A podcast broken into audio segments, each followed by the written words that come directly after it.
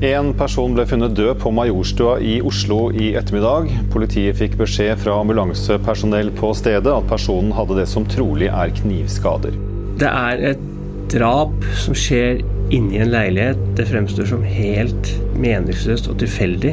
Eike var en flott gutt. Veldig flott gutt. Jeg får liksom ikke sagt nok ord om ham. Det var aldri noe tull. Han var alltid blid og fornøyd. og Var en godgutt, rett og slett så er det litt mørkt, da, så jeg ser det ikke så godt. Så Står jeg på andre sida av brua der, og så ser jeg det ligger, eh, ligger noe i vannet her. Syns det var litt rart.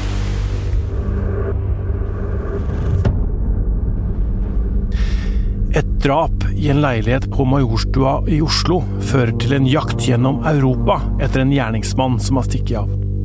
Nå kommer oppgjøret mot ham. Hva var det som egentlig skjedde? Jeg heter Tor Erling Tømt Ruud, og du hører på Krimpodden i VG.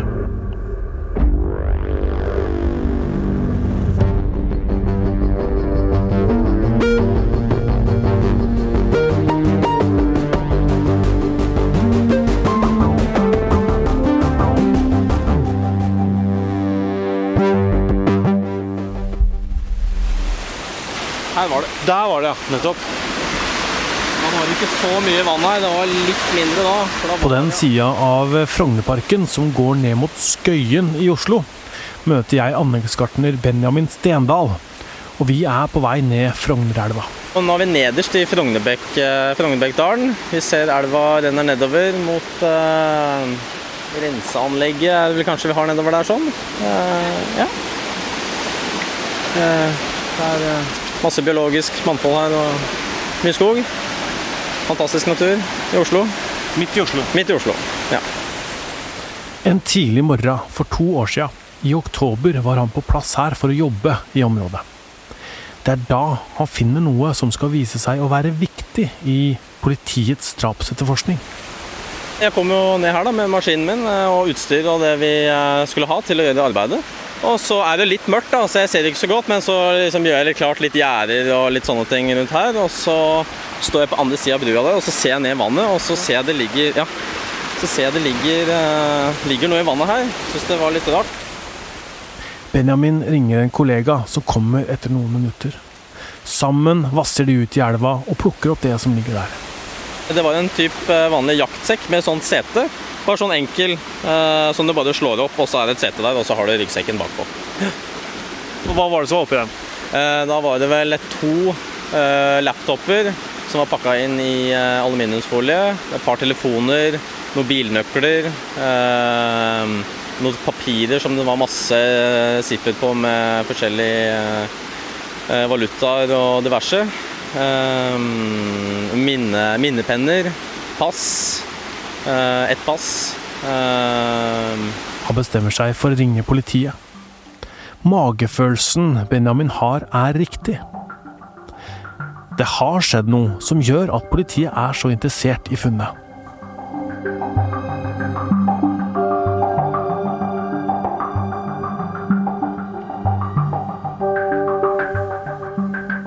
La oss gå tilbake til mandag morgen 15. oktober 2018. Majorstua i Oslo, kjent for Frognerparken, gode shoppingmuligheter og kafeer. Her blir en mann rana ved et garasjeanlegg tidlig på morgenen denne dagen. Han blir frarana bl.a. en telefon og en skinnveske.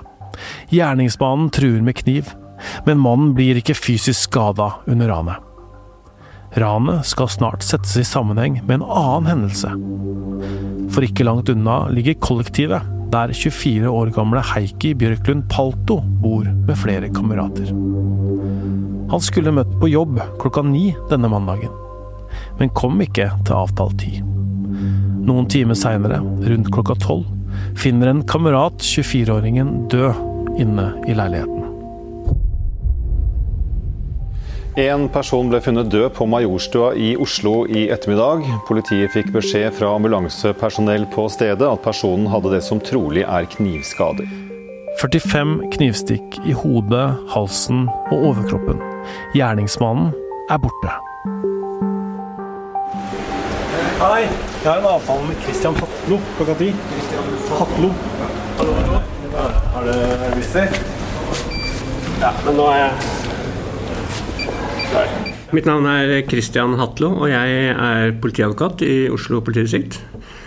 Og jeg var påtaleansvarlig i denne saken. Dvs. Si jeg ledet eh, etterforskningen sammen med en eh, etterforskningsleder fra politiet. Hatlo var på vakt da meldingen om drapet kom. Når politiet står overfor et drap, gjelder det å jobbe i flere retninger samtidig. Kriminalteknikerne går over åstedet og finner det de kan av spor. Ute på gata er patruljene klare for å rykke. Og alt styres fra det som politiet kaller et KO, et kommandopunkt. Enkelt forklart er det en slags operasjonssentral der etterforskningsledelsen styrer ressursene. Det var jo tidlig klart at det var et drap, ukjent gjerningsmann. Eh, her eh, må man handle raskt. De første døgnene viser seg jo veldig ofte veldig, veldig viktig. Så at koet vårt består av ledere av forskjellige team. Vi, vi som sitter i koet, vi er 10-15 stykker. Eh, og så har man jo veldig mange som jobber ute rundt sammen. Så er det jo lede liksom, Hvor er det de viktigste bevisene ligger på det stadiet? Eh, det er ikke så mye man vet, så da må man bare begynne å innhente informasjon. Vi ble jo fort klar over et ran som hadde skjedd tidligere. Men vi hadde ikke så mye å gå på. Koet sitter sammen i fjerde etasje på politihuset på Grønland. Det er mye skjermer. Eh, det er skjermer på alle vegger, sånn at vi kan få opp Analytikere er jo flinke til å få informasjonen opp. For det kommer som sagt så mye informasjon at det er lett at det glipper. Det er den viktige jobben i startfasen, særlig første døgnet. Hva er det som er viktig? Få det opp. Noen må bearbeide det for oss. Ingen klarer å sitte og lese alt dette her og få med seg alt. Og det er en ganske krevende jobb. Det er veldig viktig for oss i en sånn sak å ikke konkludere på det stadiet. Nå kan jeg si det, for vi vet at det var samme person. Eh, men det gjorde vi ikke da. Eh, sånn at ett spor var å la de som drev med den saken, etterforske det videre og oppdatere oss hele tiden. Eh, men så tikker det inn. ikke sant? Vi får inn fra åstedet, får vi fra kriminalteknikerne, vi får fra politi på stedet. Det var jo et drap som skjedde inni en leilighet uten innbruddsspor. Det var ikke noe brutte dører osv. Eh, da er det en oppdatering på denne drapssaken på Majorstø fra i går. Eh, si litt eh, hva som er status nå, og litt om hva vi gjør i saken. Den som står foran pressen på politihuset og prater, er Grete Metli. Leder for etterretning og etterforskning i Oslo politidistrikt. Hun er kledd i blå politiuniform og ser mot journalistene. Hun prater raskt, og ansiktsuttrykket hennes er alvorlig. Eh, først eh, hva som er status. Vi er eh, litt der som vi var i går. Det er altså ingen pågrepet, det er ingen mistenkt sikta i denne saken. Det pågår en ganske omfattende etterforskningsinnsats her nå. Vi jobber veldig, med veldig mange ting nå, og vi er fortsatt opptatt av å få informasjon inn til politiet. Hvert minutt teller. En gjerningsmann er på frifot. Det kommer mye informasjon, og Hatlo, som har kommandoen, må raskt finne ut hvilke spor de skal gå etter. Og det tikker inn flere interessante ledetråder. Det har gått et døgn, og politiet har ikke funnet drapsmannen. Nå dukker det opp noe som får politiet til å reagere. Fra en taxisjåfør som var veldig overvåken. Han hadde sett Han hadde fått inn en person som virket stresset og hadde ville ta en rask tur, mens den taxisjåføren var egentlig ikke i tjeneste. Man sa det er greit, jeg kan kjøre ned til Skøyen. Så betalte han personen her med 500 kroner og sa du har ikke sett meg. Så da ble han litt sånn mistenksom, så han fulgte han og så han inn en annen taxi. Og tok ned nummeret og ga det til oss. Og vi undersøkte jo det, som alle andre tips. Er dette noe interessant? Så viste det seg at den taxisjåføren hadde kjørt han opp til Ullevål sykehus, og det var noe som så ut som blodspor i bilen veldig, veldig los, husker jeg, den gangen. Dette kan jo være gjerningspersonen. Politiet sjekker tipset grundig. Hvilken rolle spiller disse taxiene?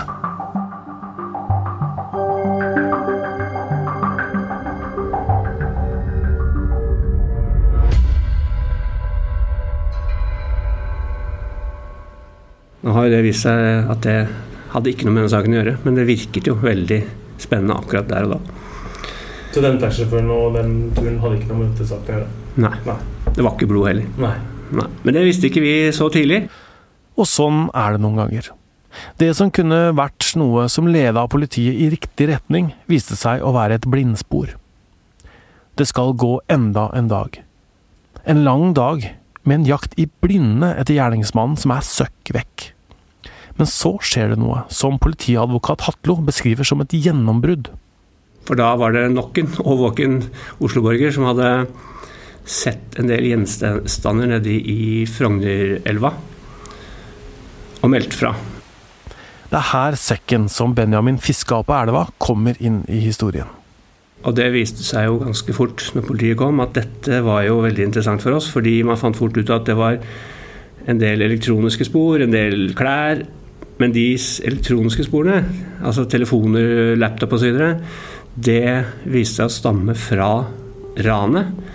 Og gjenstander som var tatt fra leiligheten der drapet hadde funnet sted.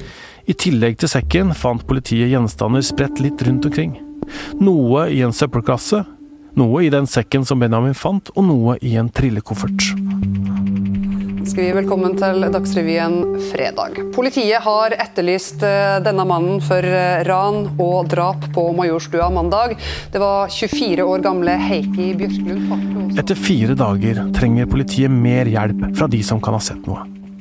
De går ut med bilder av en uidentifisert mann de knytter til ranet ved garasjeanlegget og drapet på Heikki. De har sjekka overvåkningskameraer i området fra Majorstua og ned mot Skøyen. Og på Skøyen stasjon dukker det opp en mann på kameraene. Togstasjonen ligger ikke langt fra Frognerelva. Bildene viser en ung mann med kort, svart hår og en tynn bart. Mørkfarga sekk på ryggen, svart jakke og bukse, og lyse sko. På vei oppover en trapp. Kvaliteten på bildene er gode. På et av dem ser man det som ser ut som en tatovering på hånda. Symbolet kan ligne på det angolske flagget, som bl.a. har et tannhjul og en machete i seg. Foreløpig veit ikke politiet navnet på mannen. Og det er ikke uproblematisk å gå ut med slike bilder. Det er jo alltid utfordringen når man går ut med bildet. Det er veldig mange tips som kommer inn. Kan det være han? Kan det være han? Kan det være han? Vi, og Det er sånn vi må gjøre, men det er veldig veldig vanskelig. Vi setter oss i en guffen posisjon. Skal vi pågripe noen fordi noen mener at det er han, eller ikke? Vi, det er utfordrende. Og uansett har han noe med det å gjøre, men det er ikke sikkert han er drapsmann.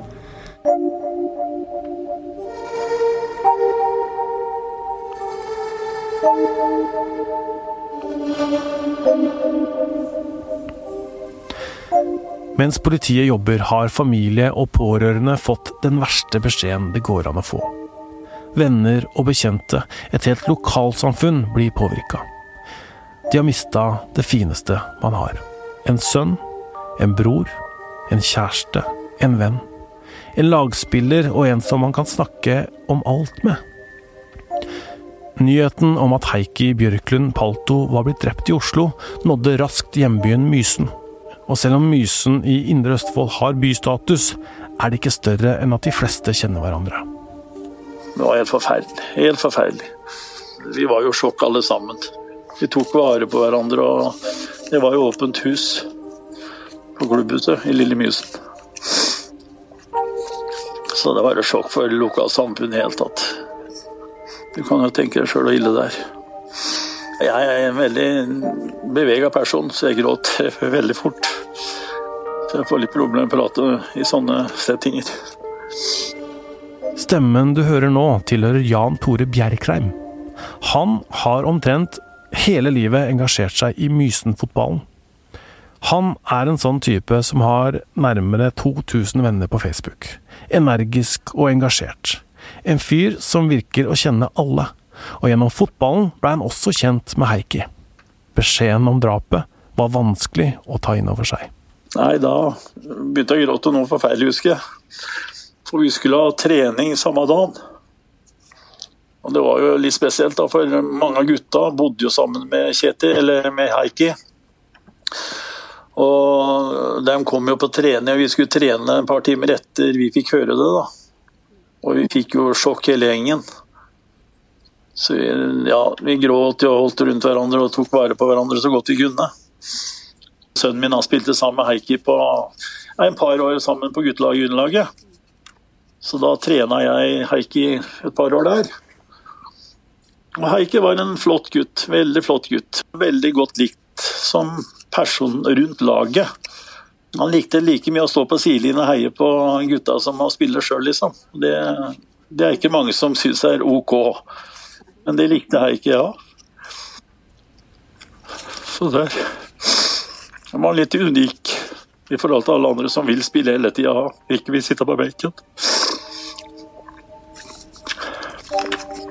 Sånn er. Ja. Jeg får liksom ikke sagt nok ord om ham. Det var aldri noe tull. Han var alltid blid og fornøyd. og Var en godgutt, rett og slett. Så jeg tenker på familien og alle rundt den, som har enda verre enn det jeg har. Så, ja. Heikki var en sterk bidragsyter i klubben, og hadde mange kamerater i Mysen IF. Tirsdagen etter drapet skulle Mysen spille kamp men kampen blir utsatt noen dager. Når kampen spilles og lagkameratene entrer banen, hedres 24-åringen med ett minutts stillhet. Rundt armen har samtlige på banen svarte sørgebånd.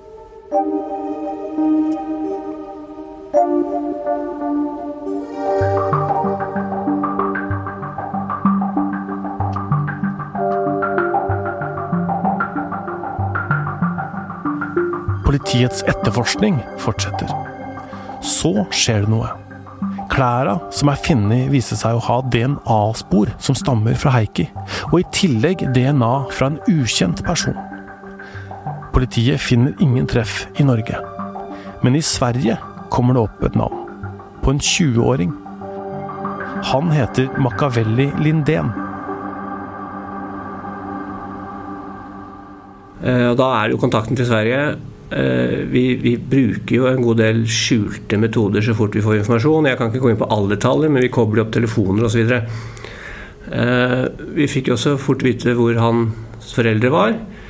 Kom i kontakt med dem, og fikk etter hvert vite at han hadde forlatt Sverige. Så vi fikk jo ikke noe treff på han der. Dette, vi lå jo hele tiden noen døgn i etterkant. Eh, selv om jeg mener vi var raske i den saken her, så lå vi litt bak. Vi fulgte han, eh, og neste treff vi fikk via våre metoder, var jo i Belgia. Det viser seg at Machiavelli Lindén har reist fra Norge med tog. Til Uppsala samme dag som ranet og drapet skjedde. Her skal han ha vært en tur innom faren sin, uten å fortelle noe spesielt, og deretter sette seg på et nytt tog nedover på kontinentet.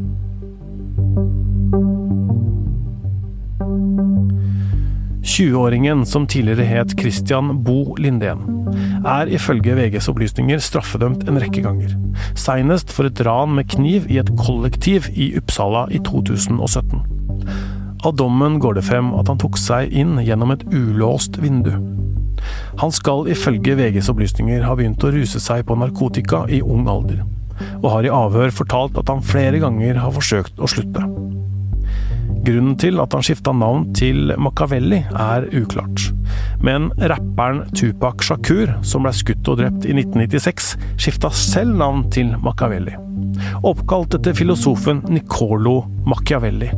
Italieneren som levde på det 16. århundre, regnes for å være en av statsvitenskapens grunnleggere. Og hans teorier rundt makt brukes fortsatt. Men tilbake til jakten. Nå har politiet altså treff på at Lindén befinner seg i Belgia. Og så var det da på nytt å kjøre hele apparatet dit. Dette må jo gå via rettsanmodning. Det er ikke sånn som på, på TV, at du bare kan ringe og så skjer ting. Dette skal gå eh, via dommer osv. Men vi, så, vi, gjorde så raskt vi kunne, og vi sendte rettsanmodning på natta. og Vi vekka dommer og vi holdt på. Eh, og når vi begynte å få ting opp og nikke der, så var neste treff Frankrike. Etter et internasjonalt politisamarbeid blir Lindén spora videre fra Belgia til Frankrike. Denne gangen reiser han også med tog. Idet toget ruller inn på perrongen i Dijon i Frankrike, står fransk spesialpoliti klare. Machiavelli Lindén blir pågrepet. Vi har nå pågrepet eh Eh, siktede. Han har vært etterlyst nå eh, over eh, flere dager, og han er nå pågrepet. Pågrepet i Frankrike, i Dijon. Nå er vi jo kommet til tirsdagen, hvor han blir pågrepet, hvor de ringer. Så det er, det er da ni, det er åtte dager? Åtte dager tar det. Det var tirsdag klokka 16.40. Jeg syns den er spesiell fordi det er et drap som skjer inni en leilighet. Det fremstår som helt meningsløst og tilfeldig. Eh, gjerningspersonen har ingen tilknytning til Norge og forlater Norge samme dag. Da står man i utgangspunktet overfor en veldig veldig vanskelig etterforskning. Det, det, det er jo det vi vet i dag, da. Eh, så den eh, jeg er, veldig, jeg er veldig fornøyd med at vi klarte å, å lande den så raskt. Ikke minst for de, de etterlatte pårørende i denne saken her. Få et svar. Man kunne jo tenke seg at hadde ikke vi fått de tekniske sporene der, så kunne man stått med en årelang etterforskning fortsatt. I Mysen forteller Jan Tore Bjerkreim om fotballgutter som hedra sin venn Heikki. Det var Liverpool fotballhjertet banka for, og drømmen om hjemmebanen Anfield blei oppfylt. Så Heikki var med meg til en tur i Liverpool ja, siden han var en 17-18 år. da.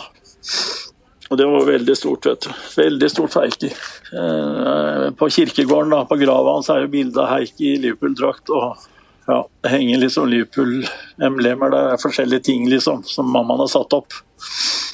Og så var han jo veldig engasjert i den uh, julecupen vi har. Når han slutta som aktiv, så ble han delaktig sånn, vi har sånn julecup i fotball eh, tre av fjerde juledag. Og da var han liksom i det teamet som organiserte og ordna den uh, cupen, da. Og det kom jo liksom to måneder etter han døde, da. Det er desember og romjul. Julecupen, som kalles julens fotballeventyr, skal avholdes. På Facebook-sida står det i år er det et helt spesielt år for arrangementet. Da en av arrangørene bak turneringen gjennom mange år, Heikki Bjørklund Palto, så tragisk blei revet bort i oktober. Vi ønsker å lage en flott turnering for å hedre hans gode minne. Så da spilte de jo cupen med ja, det laget hadde liksom Heikki på brystkassa. Som uh, drakt liksom. Så det var litt, litt spesielt. Så de hedra han liksom den turneringa. At rettssaken nå skal opp, to år etter at Heikki døde, får Jan Tores tanker til å gå til de nærmeste pårørende. Jeg vet liksom ikke hvilken eh, måte vi skal støtte på. Vi legge ut på Facebook, og vi skriver hjerter og ja. Det er så vanskelig å vite hva man skal gjøre i sånne settinger. Hvor det blir liksom fattig. Men det kommer ingen varme tanker til gjerningsmannen. Nei, Jeg håper jo han får den verste straffen en menneske kan få.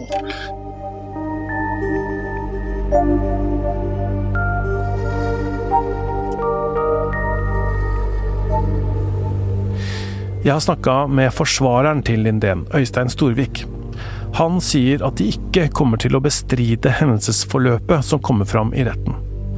Det betyr at gjerningsmannen er enig i at det vi har fortalt nå, er som det var.